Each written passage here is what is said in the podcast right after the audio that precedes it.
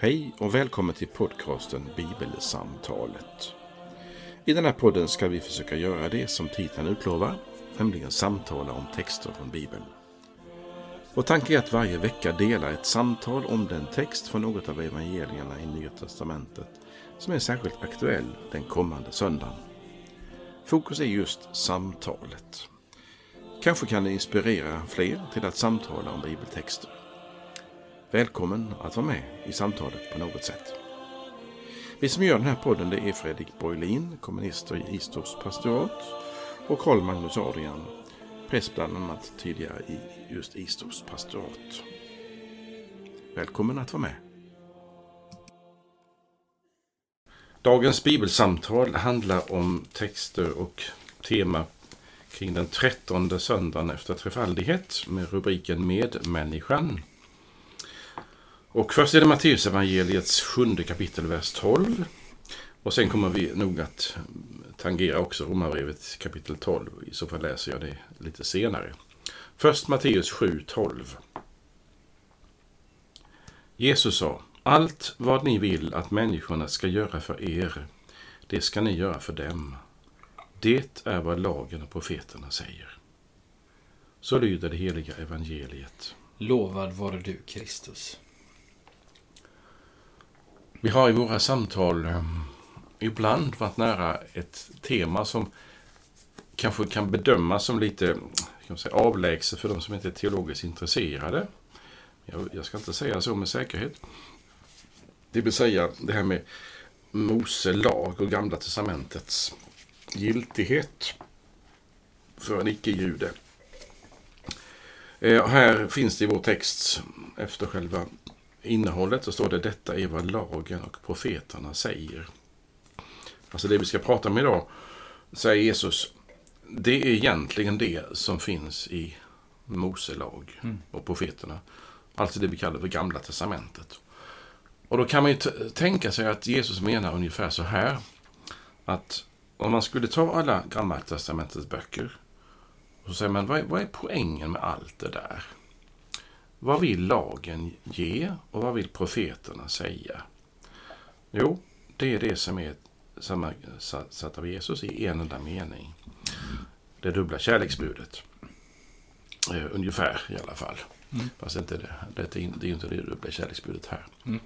Alltså älska Gud över hela ditt och din nästa som dig själv ungefär. Eller allt vad ni vill att människorna ska göra er ska ni också göra för dem. Där är sammanfattningen. Och då kan jag bara ge, när jag talar om innehållet nu, mm. till dig Fredrik. Janne. Att om lagen och profeternas summa, alltså summornas summa på något vis, är allt vad ni vill att människorna ska göra för er, det ska ni göra för dem. Om det är en sammanfattning av Mose lag, så är det ju på ett vis väldigt inomvärldsligt. Det säger jag inte som att det är något negativt eller positivt, utan det, är bara, det handlar om den mänskliga relationen. Mm. Den ska upprättas. Det är poängen med lagen. Alltså lagens syfte. Eh, eh, jag sa nyss eh, det dubbla kärleksbudet, som ju är att älska Gud, älska nästan och älska sig själv. Så tillkommer ju där att älska och då tillkommer det att älska Gud och att älska medmänniskan och älska sig själv. Därför är det kanske inte dumt att förbinda de här två citaten med varandra, det dubbla kärleksbudet och vår text idag. Mm. Och det som är då just dagens lilla vers, det är mm. att eh, det du vill att människorna ska göra för er, det ska du göra för dem. Alltså den medmänskliga relationen. Mm. Eh, det skulle kunna vara en min lilla upptakt ja. att ge till dig. Ja. Eh, har du förstått också att det är själva poängen med det här citatet från Jesus? Är det så? Den medmänskliga relationen? Japp. Mm. Det är jag benägen att hålla med om. Jag har en tråd som jag tänkte jag skulle ta upp senare. Eh, som jag tänker nu eh, stämmer jätteväl överens med att du säger detta handlar om den mellanmänskliga relationen. Mm. Vi kan lämna det där. Om det är okej så tar jag upp den tråden senare. Mm. Ja. Jag med. Eh, jag gillar ju sammanhang. Nu kommer Fredrik att säga någonting om bergspredikan. Ja. Kära vänner. Man kan tänka på, eh, om, du, om, du, om, du tänker, om du som lyssnar har ett kök så har du i det köket ett kylskåp. Och kanske har du då i ditt kylskåp eller skafferi eh, en buljongtärning. Eller buljongtärningar. Vi kan ju tänka på den här texten idag som en buljongtärning. Vi hittar den i Bergspredikan som ju är på sitt sätt väldigt ihopkondenserat. All, brukar man säga ibland så här, det här är all Jesu undervisning. Och så, nej det är det inte. Men, men det är ändå väldigt samlat och så. Och sen så idag så får vi en text där Jesus säger, det här är vad lagen och profeterna säger. Liksom. Och då kan vi tänka, tänk dig att någon har tagit en halv liter eh, eh, buljong och så verkligen kokt ner det till en liten, liten kub eller ett litet rätblock eller vad det heter, Mm, där mm. alla sidor är lika breda. Eh, här får vi verkligen något sånt. Oj! Eh, tydligt och klart och väldigt ihoppressat. Eh, och du nämnde Carl-Magnus det här med, med, med alltså, mänskliga relationer. Och det är ju på ett sätt det, om vi tittar liksom runt dagens lilla vers, så är ju också de mänskliga relationerna i fokus liksom runt omkring. Jesus talar om att inte döma. Och så säger han också så här, han uppmanar oss att be. Eh, och så sen så här att människor ger ju gott åt de sina. Då gör vår himmelske far det ännu mer. Alltså han, han är ändå i det mellanmänskliga sammanhanget eh, Mm. på olika sätt. Eh, så att, eh, ja, och där passar våran vers in. Och det är ändå en sammanfattning av Jesus av hela Gamla Testamentet. Har du stött på, om jag får ta en annan tråd. Har du stött på eh, det här påståendet som man ibland hör, eller som jag har hört någon gång sådär. Att den gyllene regeln finns i alla religioner. Ja, jag har hört sån där, eh, kallar för slarviga uttryck. Som kanske har en viss eh, nyans av saklighet. Men det lilla jag vet är ju att det som är den medmänskliga, omsorgen om, om medmänniskan. Mm. Den finns ju överallt. Mm. Och trampas på överallt. Mm. Det, det tror jag eh, människor av god vilja skulle nog säga väldigt bra. Mm. Mycket bra. Mm. Eh, Och sen kommer undantagen. När principerna äter, äter upp Mm. den självklara medmänskligheten. Mm. Men svar på din fråga. Jag tror att det finns överallt. Mm. Tror jag. Jag blev uppmärksammad på, det, på detta eh, senast jag blev det. Eh, och som då satte igång en liten fundering. Eh, och det var ju fint att vi kunde sitta kring den här texten nu. Eh, av en konfirmand eh, eh, som sa detta. Så tänkte jag, hmm, just det, det ska jag kolla upp. För när, man, när någon kommer med en ärlig fråga så, så vill man ju ge ett svar som inte bara är mjä. Liksom. Eh, och då gjorde jag det. Jaha. Jag tog mig friheten. Så jag tyckte det var kunde roligt att bara... Du får gärna kommentera. För jag både hittat någonting och så har jag också lite mina egna tankar om detta. Så du får gärna, gärna kommentera detta. Ja, om jag kan. Eh, eh, jag, man, säger, man säger ibland så här att den gyllene regeln finns i alla religioner. Eh, om det så kan ju inte jag säga för jag känner inte ens till världens alla religioner. Mm. Eh, och ibland vet vi faktiskt inte ens riktigt var, var gränsen går mellan religion och ideologi. Mhm. Eh, alltså till exempel Nordkorea som på ett sätt är en ateistisk stat och på andra sidan är det ju har man ju en religiös dyrkan av sin diktator. Alltså, det är så här, vad, är, vad är religion och vad är inte? Liksom? Mm. Och det, det, jag tänkte så här, det, den diskussionen ska vi inte ha i bibelsamtalet. Liksom. Eh, men jag, men, men, men det, det verkar ganska klart att eh, i många av liksom religionerna, de s- relativt, nu pratar jag inte bara om de här fem stora, stora religionerna, utan även liksom om vi tänker de 15-20 största religionerna i världen, eh, så finns ju den här tanken om jag är här och på andras och vid min sida står Karl Magnus och, och liksom om jag gör någonting åt hans håll eh, så ska det hänga ihop med hur han ska göra mot mig. Alltså på, på något sätt. Va? Eh, och jag vill lyfta, men jag vill faktiskt lyfta två, en eller kanske två väsentliga skillnader mellan gyllene regeln när Jesus talar om den och därför blir den en del av vår tro eller vårt nya testamente. Och, och när andra religioner gör det. På mitt sätt, jag, kan inte, jag är ingen religionshistoriker. Så, att, så att här finns många som kan mer än mig. Men jag, jag, jag, jag, levererar min spaning. Liksom. Ehm, jag hittade en lista över hur den gyllene regeln formuleras i olika religioner. Och då fick jag en lista på ganska många religioner Intressant. med olika citat som man menar det här är gyllene regeln typ. Eller Ah. en motsvarighet. Och då tycker jag att på sina håll så var det inte så likt. Mhm. Men även om det fanns, alltså de pratade inte om något helt annat, men det var inte så superlikt. Men sen så så hittade jag att inom buddhism, hinduism, jainism, konfucianism och zoroastrism så finns det tydliga paralleller till den gyllene regeln. Men de var sam, samtliga de, de var negativt formulerade. Alltså ungefär Gör Ja, ja. inte mot andra det som du inte vill att andra ska göra mot Just dig. det. Alltså vi kan kalla det för en negativ formulering. Alltså gör inte Fredrik mot Karl Magnus det som du vill, inte vill att Karl Magnus inte ska göra mot dig, så att säga. Eh, och, och faktum är att vi hittar faktiskt en sån formulering också i Bibeln. I Tobits bok, bland apokryferna, i kapitel 4, så står det så här. Gör inte mot någon det du själv avskyr. Det är en eh, ne- negativ formulering. Alltså, om jag inte gillar att Karl Magnus slår mig på käften, så ska jag inte slå honom på käften. Nej. Och vi kan säga att vi aldrig slagits. Det hoppas Nej. inte det kommer heller. Ja. Ehm, men när Jesus talar i evangeliet idag, när han ger oss den gyllene regeln, så är det ju en positiv formulering. Allt vad ni vill att människorna ska göra för er, det ska ni också göra för dem. Det är vad lagen och profeterna säger. Mm, bra. Alltså det, för det, det tycker jag det är en väsentlig skillnad. Och sen, sen kan... det är någon akt, något aktivt i det ju. Ja, man kan fundera på hur stor skillnaden är. Eh, Jag tycker den är ganska väsentlig. Mm. För jag tänker att det handlar om att undvika ondska i det ena fallet, eftersom vi människor inte vill att andra ska göra ont mot oss. Mm. Kontra att göra gott, eftersom vi vill att människor gör gott mot oss. Eh, och jag tänker så här, att göra gott är mer omfattande, mer aktivitetskrävande än att inte göra ont. Absolut, det lockar ju mig. Till. Ja, kör! Nej, Nej, men jag, jag har en semikolon där, så Alltså, det finns... Alltså det här tycker jag är oerhört spännande och lite otäckt också. Därför att konsekvenserna är märkliga. Alltså om, om jag säger så här... Eh, eller säger så här. Jag har inte gjort fel. Mm. Eh, och, så det, och så om det skulle vara någon merit. Jag har i alla fall inte gjort fel. Nej. Så, så säger den rädde Karl Magnus. Mm. Den rädda människan. Ja. Jag har i alla fall inte gjort fel. Nej. Men med den här är poängen, du ska göra gott, Mm. göra rätt. Mm.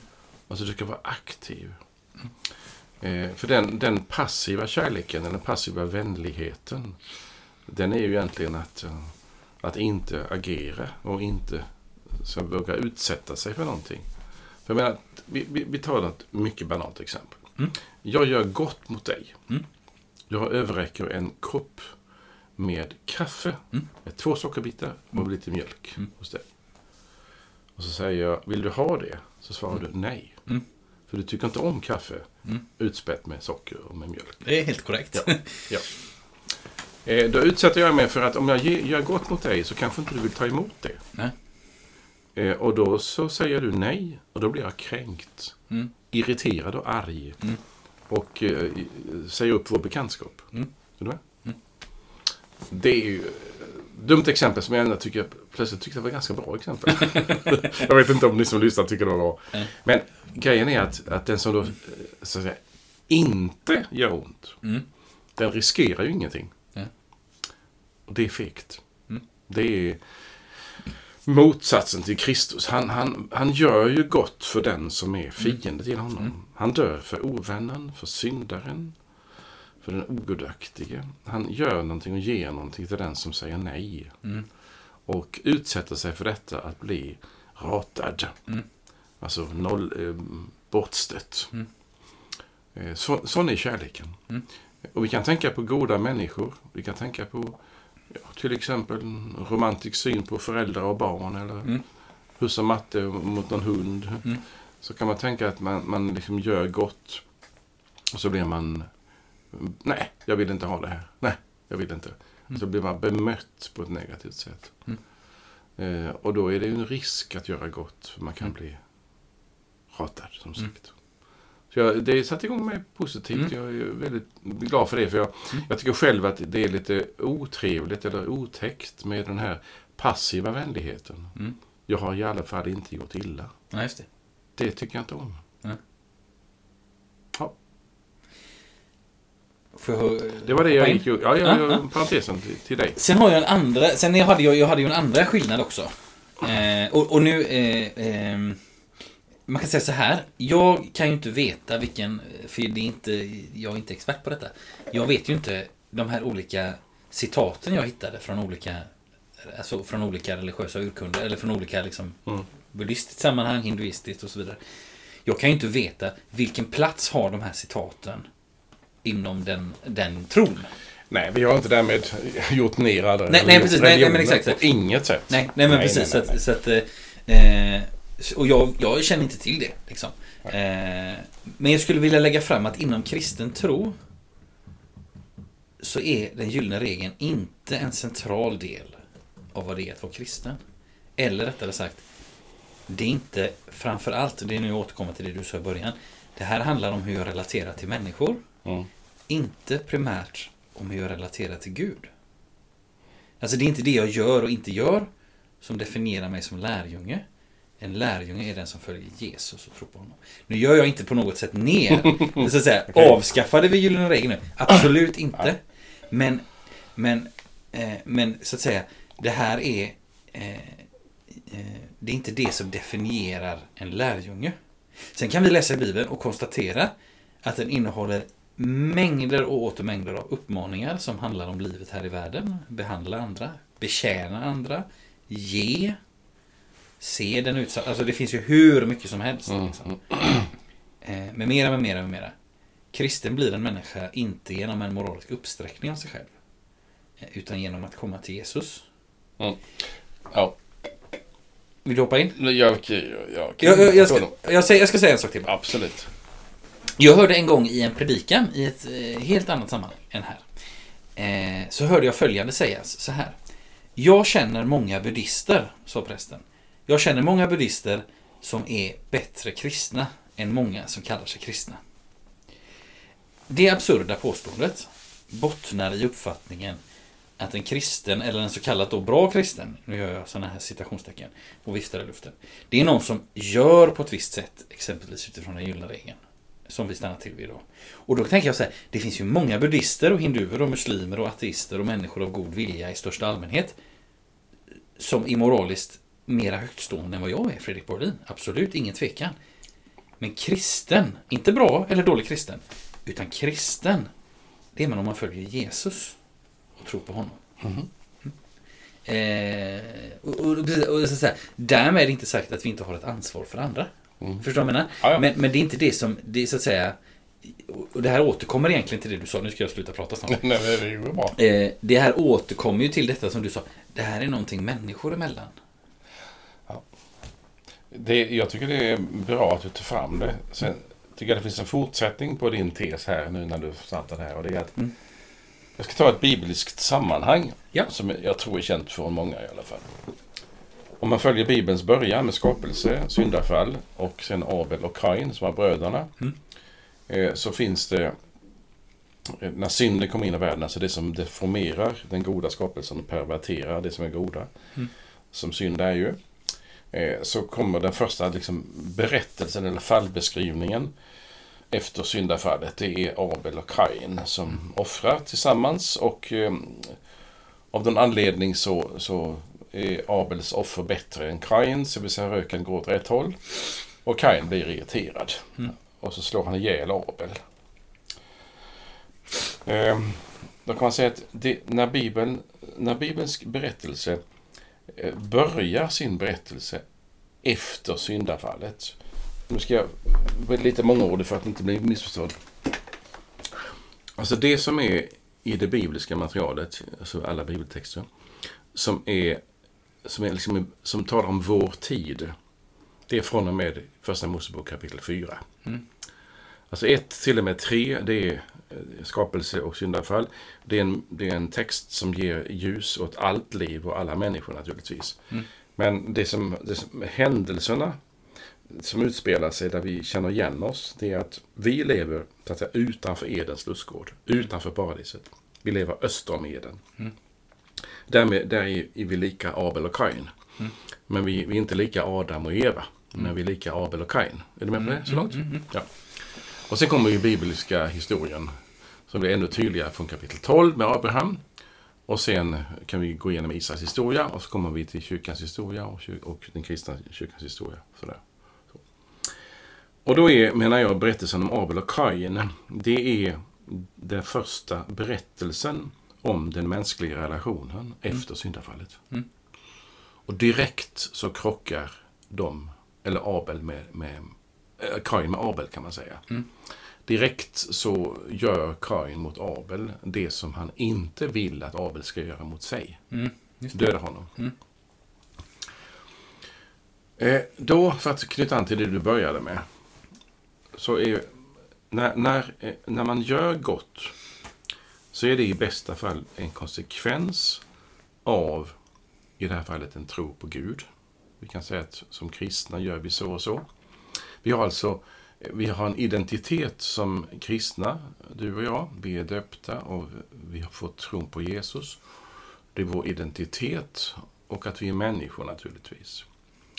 Eh, utifrån det så synliggörs den gemenskapen med, med Gud, med Kristus, i hur vi lever här på jorden. Och då är relationen i den medmänskliga relationen mellan människor, men också mellan människa och skapelsen. Mm. Det är ett, där, där i kan du lära känna mä, människan på något vis. Hur jag behandlar dig Mm. skulle man kunna eh, avläsa utifrån och säga vem är, vad, vad har Karl Magnus för tro eller för någon, för någon livsinställning eller för någon livstolkningsprincip? Eh, och därför menar jag att det som är det som är det kristna livet, om vi talar om, om på det sättet, det, där synliggörs tron på Gud. Mm. Eh, och, och då för, kan man förena det som, är, som du inte sa, men som du, jag tyckte du, som fanns mellan raderna. Och det är att om, om man om jag då är kristen, som du sa, därför att jag tror på Jesus eller följer honom eller någonting sånt. Eh, så skulle Jakob i sitt brev i Nya Testamentet säga att visa mig dina gärningar Mm. så kan jag visa dig din tro. Alltså, Låt mig se vad du gör och handlar. Mm. Och den här monologen sammanfattas i följande x antal meningar. Eh, Tron på Gud synliggörs i hur du lever. Mm. Hurdan du är. Mm. Du kan inte ha din tro så att säga, som en princip eller som en tankekonstruktion eller som ett önsketänkande. Utan lever du inte utifrån de- din tro så måste jag ifrågasätta eh, ditt sätt att leva. Mm. Å andra sidan, eh, om du frågar sig hur ska jag leva som, som kristen, som lärjunge? Så kan man säga, ja men du, hallå du, din tro den ska ner i benen, ut i armarna och ner, ut i munnen. Alltså den ska synliggöras. Tron på Gud ska synliggöras här i världen. Och syns den inte, så kan du inte komma och säga, men ja, men jag har minsann gått i kyrkan hela mitt liv och jag är döpt och jag bla bla bla. bla, bla. Ja men det, det synliggörs på något sätt som är och det här tycker jag är uppenbart också när Jesus talar på många sätt om vad som, vad som kommer ut från en människa. Det som Paulus benämner, som vi kallar för andens frukter. Alltså vad är, vad är frukten av ett liv med Jesus? Jo, det är glädje, frid, tålamod Mm. Med mera, med mera. Mm. Det är en frukt av. Mm. Eh, en konsekvens av. Och skillnaden på det, Mm. det tyckte jag också du sa så bra. Det är att det kristna livet är inte den moraliska aspekten på hur du ska leva idag. Mm. Utan det är en konsekvens av det du har fått och det du har sett och den du tillhör. Mm. Utifrån det är du kallad att leva. Och då skulle man kanske, jag vet inte om du tycker jag går för långt, och säga så här. På något sätt så är vi kallade att imitera Jesus. Mm. Absolut. Tycker du att det är för mycket sagt? Nej, inte alls. Nej. Eh, och, så att säga, det, och jag tycker att det ligger en skillnad i eh, precis, det ligger en skillnad i att säga att nej, men, eh, Jesu kallelse är att följa honom. Eh, och det redan där eh, redan där i de orden, om vi, det har vi ju stannat till för säkert mer än en gång här.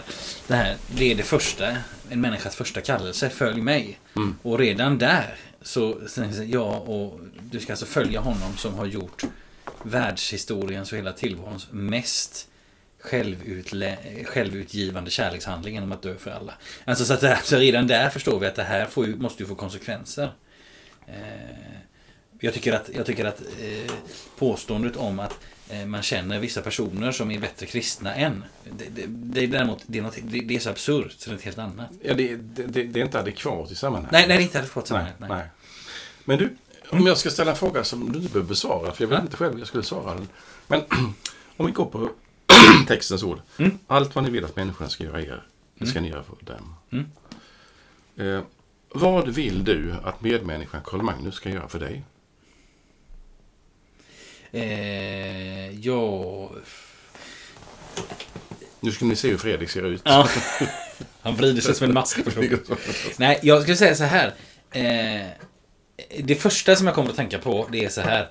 Jag skulle vilja att Karl Magnus eh, var uppmärksam på mig. I betydelsen, åh, han, han ser, om jag kommer, nu sitter vi ju hemma hos Karl Magnus och spelar in här, så har jag kommit hit gåendes från bilen och så. Liksom. Och så skulle jag, skulle jag tycka det var fint om, här, här är någon som vet hur jag, hur jag har det idag, som lite kan se sådär, du vet. Ja, nu är det inte läge att skoja, nu är det en dålig dag. Förstår du vad jag menar? Alltså att någon som verkligen...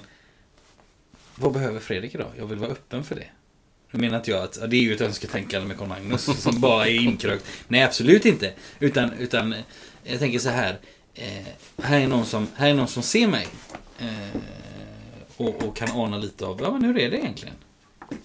Och med det sagt så är det inte förfärligt just idag. Absolut inte. Men, men det, det, är liksom den, det är den första jag kommer att tänka på. Det, tack för det. var väldigt, eh, det var väldigt fint svar tycker jag. Alltså verkligen fint i, i god mening. Mm. Jag skulle säga att jag skulle kunna imitera det svaret fullständigt. Mm. Jag, jag tror precis det. Eh, och, och, om vi nu vågar tala om det här som är lite grann Mm. eh, känsligt i vårt samhälle, vårt, inte mellan oss utan i samhället, det är att eh, om allt vad ni vill att människor ska göra er. Nu har du inte sagt Fredrik så här. Mm. Jag vill att Karl Magnus ska bekräfta mig Nej. och berätta hur bra jag är. Nej. Eller hur? Eh, det skulle man kunna tala mycket om. Mm. Eh, därför att det, det ligger nära oss. Mm. Eh, och ingen, om ingen ser mig och ingen bekräftar mig Mm. så känner jag bara, "Ja, men kan inte någon, kan Mm. inte någon i alla fall säga Mm. något? Inte bara prata om vädret Mm. och så. Eh, och, och så är man uppmärksam ett ögonblick på att, jo men, jag längtar efter någonting. Mm. Och när du säger det att, att du vill att jag ska, i det här fallet jag ska se dig eller förstå Mm. hur du har det. Så, så har du inte därmed sagt att det är en bekräftelse eh, i betydelsen det är en betygssättning och ett Mm. upplyftande. Ja. Men tänk om det är så här att i det, min fråga, som jag inte har tänkt på förrän nu när du har sagt ditt svar. Mm. Egentligen ligger det att jag läsa meningen så här. Allt vad ni vill att människorna ska göra för er, det ska ni göra för dem. Nu kommer Jesus i citatet i meningen efter som jag hittar på nu. Mm. Eftersom du människa vill att din medmänniska ska älska, dem, älska dig så ska du också älska dem. Mm. Var det det du sa egentligen? Mm. För tänker jag, ja men det är nog det som ligger djupare, mycket djupare än bekräftelse, beröm. Förstår du vad jag menar? Mm. För alla de här orden kan man ju vrida och vända på hur Mm. som helst. Men att bli älskad, det är inte bara att mamma säger till dig när du var sex år gammal eller till mig när jag var sex år gammal. O Fredrik respektive Carl Magnus, du är så fin, du är den gulligaste pojke jag har haft och så Mm. va? Eller har och så. Mm. Det är ju, det, det är kanske inte det man egentligen, egentligen väntar när man är vuxen. Ja. Men sexåringen kan gärna få höra det Mm. ordentligt. Men däremot eh, att bli älskad i meningen att göra gott, tänka väl Mm. för en människa. Det är väldigt ömtåligt. Och eftersom vi längtar efter det och inte vågar erkänna det Mm. så omgärdar vi det här Jesusordet med en mängd saker och ting som egentligen inte är vad vi längtar efter. Mm. Blir jag förstådd? Mm, jag tror det. Säg den sista meningen igen. Jag kan ta ett exempel på den istället. Mm. Vi säger så här. Eh, Allt vad Karl... eh, Fredrik... eh, Jag ska bli så ordet är bra. Allt vad du, Karl Magnus, vill att Fredrik ska göra för dig, ska du göra för honom. Mm. Så tänker jag så här. mm, Jag har en gammal fiol. Jag kanske har skänkt bort den förresten, i parentes. Mm. Jag tar fram den, säger vi nu. Så Mm. spelar jag för dig. Jag spelade fiol när jag var 18 år gammal i tre månader för en lärare. Jag kom så långt så jag lärde mig spela God Save the Queen. Mhm. Ja, så la jag ner det projektet. Så spelar jag för dig. Och så säger du, "Va- vad roligt att du spelar fiol, vad fint du spelar Carl Magnus. Och så reser jag mig med, eh, med ryggen nu i stolen. Åh, Fredrik tycker jag spelar fint. Och så är det någon, en god vän till mig, som säger Carl Magnus, det är inte sant.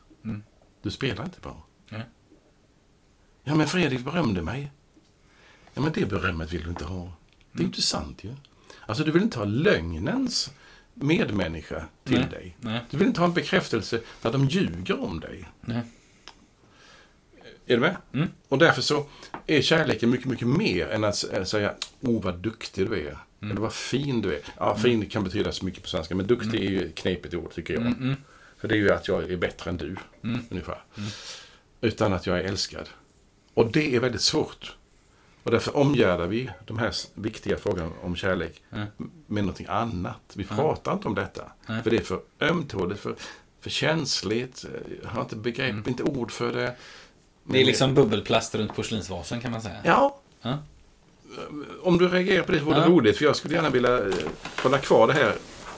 Ja, jag tänker på det här. Men, nej, men vad jag menade var... Eh, du- har inte, inte på något sätt missförstått mig tror jag. Inte så, men jag, jag tänker det här. Alltså jag, jag, jag kom själv att tänka på liksom en, ett påhittat exempel. Alltså om vi säger nu att vi har en gemensam fascination för Bellman-historier, du och jag. Och, och, och, och varje gång vi möts så har vi båda kollat upp tio nya Bellman-historier som vi ska dra för varandra. Liksom. Eh, och, så, och så en dag så kommer jag hem till dig och så ser jag, så ser jag, eller så, så ser jag, eller så ser jag inte. Oj, Carl Magnus ser helt förkrossad ut. Och då skulle jag liksom, vad jag skulle önska då, det är att för mig själv, det är att jag så här, jag menar att jag kan se att Carl Magnus är förkrossad och inte bara kör på med mina Bellman-historier. För att han ska skratta åt dem och jag ska bli bekräftad själv. Utan att jag ska Precis. säga, eh, det är viktigare för mig att du mår bra. Liksom. Eh, och jag, jag, tror, jag tror tyvärr, och nu är inte detta pilar mot någon enskild människa på något sätt, men jag tror att ibland så när en, när en mänsklig relation kan gå i stå, det är när vi liksom vi kör på med våra Bellman-historier. Håller helt med dig. Vi är, inte, vi är liksom inte öppna för att men jag, är så, jag är så upptagen vid att, att nu ska vi spinna på här och jag ska bli bekräftad själv och, och, och vi ska umgås på det här sättet som vi alltid har gjort. Eller vad. Så jag ser inte att men han är helt förkrossad. Eller han kanske bara är lite förkrossad. Men det borde jag kunna upptäcka också. Eh, Och det är, så det är ju någonting, det skulle jag önska. Eh, Och jag upplever inte att Åh, det har jag aldrig mött. Utan jag har många vänner som, som ser mig. Eh, verkligen. Och jag önskar, jag hoppas och, eh, och önskar också mer av att, att jag själv ska se människor och inte bara liksom falla in i mina egna Bellman-historier. Men tror du, tror du att det är också så att eftersom det här är knepigt för jag säger oss, nu generaliserar jag, så omgärdar vi det här behovet med någonting annat. Och då tycker jag mitt exempel passar. Inte så att du, du missförstod mig, tvärtom. Nej. Eh, eftersom jag egentligen vill på något vis ha någon sorts relation som, som är varm, kärleksfull och så. Men inte kan uttrycka det och, och vi har inte verktyg för det heller. Så, så omger jag hela denna fråga med att men tänk om han berömmer mig för att jag är en god violinist. Och berömmer mig för att jag kan spela fiol. Så är jag så, så ersätter, om du tycker att jag är duktig, så ersätter det du har sagt mitt behov av kärlek. Och då säger nej det, det, det hjälper inte. Och jag tror att det finns så mycket där jag vill bli sedd och likad och bekräftad. Eh, och när jag blir det så märker jag, ja men det är ju inte svaret på min djupaste fråga. Det är inte min längtan. Nej. Men jag, det omge, allt det där vackra som jag längtar efter som jag inte riktigt vet vad det handlar om. Omges av någonting som är bara ett, en chimär. Eller vad sa du omkring porslins... Eh, bubbelplast. Ja, alltså det är någonting som bara är... Det är bara fake. Jag kommer att tänka så här. Låt säga att, att du hade varit, eh, bjudit in mig på middag. Och så tänker vi att du har verkligen, du har verkligen liksom slått på den. Eller avbröt jag den nu? Nej, det är okej. Eh, eh, du har liksom slagit på den stora trumman och liksom eh, gräddsåsen har liksom fått koka i flera dagar. Och, nej, men alltså, vet du, verkligen och, och spänt bågen liksom. Och så tänker jag så här. Hur kan jag bejaka Carl Magnus nu? Hur kan jag förhålla mig till att han har bjudit in mig här och, och kanske till och med har, kanske till och med har ordnat en taxi hem till dig här så jag kan kunna liksom, dricka av de goda årgångsvinerna och allt vad det kan vara. Eh, eh, och så tänker jag så här, om Karl Magnus är en bekant då kan jag säga fantastisk sås här, hur, hur du gjort den och uh, imponerande här vilken, vilken yta på köttet och, mm. och tänk att du har odlat potatisen själv och wow mm. vad häftigt och så. Om, om du är en bekant, men om du är en vän så skulle jag mer säga vad, vad, vad gott det är att vara här. Ja, jag är med på det. Ja. Alltså det är inte fel att berömma det ytliga om, om relationen är ytlig. Nej. Och det tänker jag att ibland kan man pröva att slösa också med det. Ja. Åt människor. Bara, åh vilken god kaka, fantastiskt. Vi är inte bästa vänner. Men, men är relationen djupare så tror jag att då måste bejakandet vara djupare på något ja. sätt. Eh, kan du gissa varför den här tolkningen som jag delar med dig nu som vi pratar om, varför det kom fram för mig? Nej, jag ska inte ställa en fråga till dig. Du kan säkert ana det. Men tänk om, om Jesus säger handlar om både det som vi pratat om ganska länge nu, mm. alltså den medmänskliga relationen. Mm. Men också allt vad ni vill att jag, Jesus, ska göra för er, ska mm. ni göra för mig. Mm. Eller allt ni vill att jag ska göra. Förstår du? Mm. Alltså relationen till Gud. Eh, att Gud är sådan. Mm. Att han ger oss det som är bra och gott. Mm. Och relationen mellan Gud och människan kan vi säga, genomsyras av mm. någonting som, och som finns i den här lilla versen som vi pratar om idag. Mm. Och då är inte min, om det nu är så att jag tror, vilket jag gör, jag lever i en gemenskap med Jesus. Jag, jag talar med honom och finns med i, med honom på något vis i ett sätt som inte jag kan förklara riktigt. Men jag, det är en vän till mig. Eh, så tror jag att han vill mig väl. Mm. Och det finns en ömsesidighet. Inte så att jag kan göra någonting i betydelsen att jag kan ge Jesus någonting. Men eh, på ett vis, ja det ska jag inte utveckla den frågan för den, det kan man diskutera. Mm. Eh, men helt, helt enkelt att den ömsesidiga kärleken. Mm. Alltså älska Gud av hela ditt hjärta. Mm. Din nästa som dig själv. Mm. Eh, så handlar det om att den kärlek som jag, som jag får, den, den älskar jag tillbaka med. Mm. Alltså den kärleken som ges mig och som ges vidare till mig. Mm. Och därför är det också så att den relationen som finns mellan i skapelsen, när jag började här med Abel och Kain. Mm. Så att när, när, Adam och Eva i den här berättelsen i skapelsen lever tillsammans i harmoni mm. och med Gud som vandrar omkring i, i paradiset i lustgården. Så är liksom relationerna fullständiga. Mm. När synden kommer in så bryts relationerna. Gud blir liksom eh, farlig, skrämmande. Mm. Den är jag rädd för. Mm. Och Adam och Evas relation är byggd på insinuationer, lögn mm. och misstänksamhet. Och sen i Abel och Kain så är det mord. Mm. Alltså det saboteras hela tiden. Och då, är, då ska vi inte ta fasta på Abel och Kain mordhistorien utan tänka vad är det tänkt från begynnelsen med oss? Mm. Vad vi skapade till? Jo, vi människor, du och jag och alla andra är skapade att avbilda den heliga treenigheten på något sätt. Vi är mm. skapade till Guds avbild. Mm. Gemenskap ska upprättas. Och i den gemenskapen handlar det om Ge nu Adam, skulle Gud säga till Eva, ge nu Adam det, det som du vill att han ska ge dig. Mm. Och då skulle Eva säga, det klart. Jag är inte dum. Mm. Alltså i den goda skapelsen utan synden så är det självklart. Mm. Och Gud som är god, för Gud är det självklart att ge oss allt som är gott. Mm. Medan vi svarar eh, tvärtom som, som Kain mot Abel. Mm. Det är vårt sätt att tänka. Och därför finns det, tycker jag, i den här berättelsen inte bara den inommänskliga relationen som vi mm. pratar mycket om idag, det ska vi göra också. Mm. Utan också en antydan om att hurdan är Gud mot dig? Mm. Eh, och, och, det är sån du ska vara mot honom och mm. mot, mot dina medmänniskor. Det vill säga att avbilda, eller likna, imitera Kristus. Det är någonting med det som jag tycker är väldigt fint. Jag har en annan tanke. Eh, som, som, kan, som på ett sätt hänger lite ihop med det här med gyllene regeln i olika religioner eller mm. sammanhang. Eh, och nu är återigen, nu vill jag bara framhäva min, min okunskap om andra religioner. Och jag säger inget, utan jag bara säger jag vet ingenting. Utan jag kan bara tala om, om kristen tro. Och så får vi ta det till därifrån. Men man kan fundera på så här. Är den gyllene regeln möjlig? Det är också en sån här, alltså jag tänker kristen människosyn är krass och realistisk på ett sätt. Mhm. Eh, Jesus ger oss en gyllene regel, inte som ett religiöst mantra, inte som en väg till honom. Eh, eller som en väg till himlen utan honom. Utan han ger oss bara en väg och det är honom själv. Eh, men han ger oss den gyllene regeln, och det ska, det ska inte överförhandla detta, utan han ger oss den gyllene regeln. För vi behöver höra den, om och om igen. Ungefär som Fredrik, nu ska du uppföra dig. Sa min mamma till mig. Mm. Miljoner gånger. Ibland utvecklar hon det lite mer i detalj. Kristen människosyn är krass och realistisk eftersom den visar att vi människor inte klarar att följa den gyllene regeln. Mhm. Alltså ändå får vi den. Det är ju något motsägelsefullt där eh, För den behövs. Vi kan ju tänka på... Får jag? Eller? Vill Eh, du? Förlåt, Ja. det, lät som att jag vill avbryta, men jag vet inte vad det är. Eh, kristen tro inser att människan inte klarar att följa den gyllene regeln. Ja. Jesus säger så här i versen precis innan gyllene regeln. Ja. om, till människorna.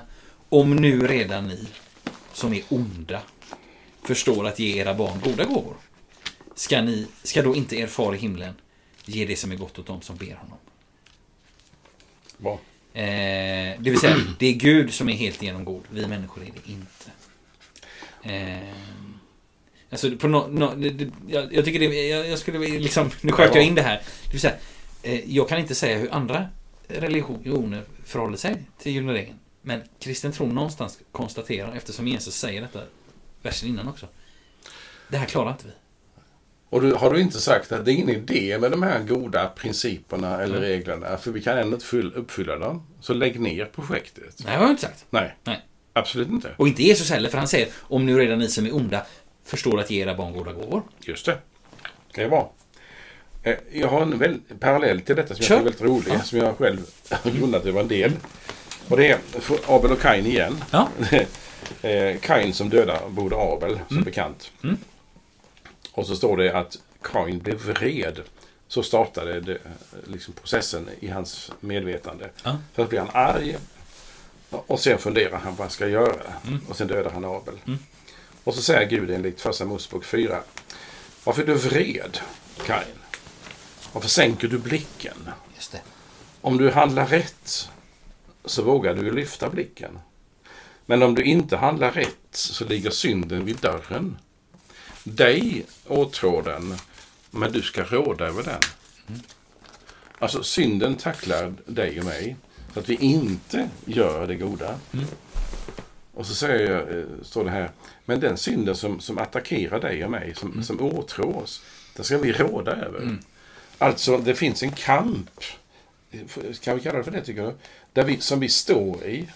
Att när du nu frestas, Karl Magnus eller Fredrik, att inte ge din medmänniska det du själv vill ha från den. När du frestas att inte följa den gyllene regeln.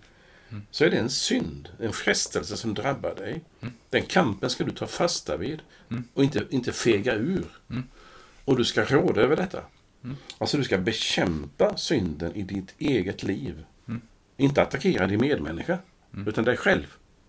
Alltså var uppmärksam på varför vill du inte ge Fredrik det som du vill ha från Fredrik? Varför är du elak, eh, vrång, avundsjuk, är du med? bitter? Ta fasta på det.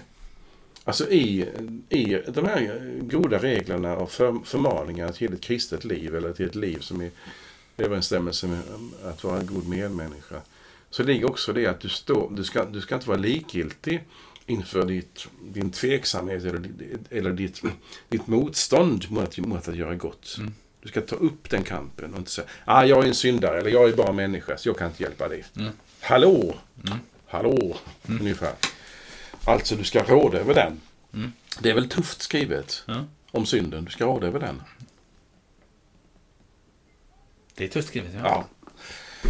Ja. Och, är, och då tänker jag så här. Eh, om vi, ja, det avgör ju du när vi är på väg in för landning. Ehm, ehm, hur råder jag över den? Genom att följa den gyllene regeln? Ja, det kan jag inte. Då tycker jag att jag har ant... Förlåt. Ja, nej. Eh, får- jag kör. Alltså grejen är att om, om nu detta med Mm. de, de konsekvensernas handlingen är en konsekvens av min gemenskap med Gud. Mm. Därför satt jag i samma skapelse, syndafall och Mm. Kain Abel-historien. Alltså det finns en, det, jag är kallad till, jag har tagit emot en kärlek, eller Mm. som Johannes skriver i sitt en brev, eh, vi älskar för att han har först älskat oss. Mm. Jag har fått någonting och ger någonting till, till, till honom. Det är ju ändå en sorts poäng, är det inte det, att få se, att bli, att bli mottagad, att få se att den Gud som älskar mig vill bli älskad tillbaka. Eh, Du vet när, när vi pratar om gudstjänsten, vi som håller på med eh, liturgiska intressen, att varför ska Israels barn fira gudstjänst? Är det för att Gud vill det? Inte för att det är en så trevlig sammankomst. Utan Gud vill det. Så Gud vill ha gudstjänsten och tillbedjan. Gud vill ha en relation. Eh, Och därför ger han till oss omsorgen, syret som vi äter, andas in, värmen som vi behöver. Han överöser oss med gåvor för att vi ska ge tillbaka till honom. Relationen ska uppstå det, det, mellan honom. Och, och i den relationen så, så upptäcker jag att om, om jag får allt detta varför håller jag på och sura när jag ser, bara jag ser Fredrik Borglén så blir jag irriterad. Ja, Utan det- ja, ja. Alltså, varför håller jag på med sånt? Ja. Och, och då, då, då räcker det inte med pekpinnarna. Nej. Utan se vem du är, Karl Magnus, i Kristus. Vad han har gjort för dig, vad han gör för dig. Mm. Och vem du är. För mig är det en hjälp. Mm. Eller? Vad säger du om Mm, det? absolut. Jag säger amen. Säg amen till det. Ja, det gör jag faktiskt. Ska vi gå ner för landning eller vill du ha något avslutningsord? Jag har inget att tillägga. Inget att tillägga. Nej. Kära vänner, då säger vi tack för denna stunden gemensamt från, kring temat på den, den trettonde söndagen efter trefaldigt om medmänniskan. Utifrån den gyllene regeln Mm. och lite grann av kärleksbudet också. Mm. Tack för gemenskapen, må Gud välsigna er. Hej då. Hej då.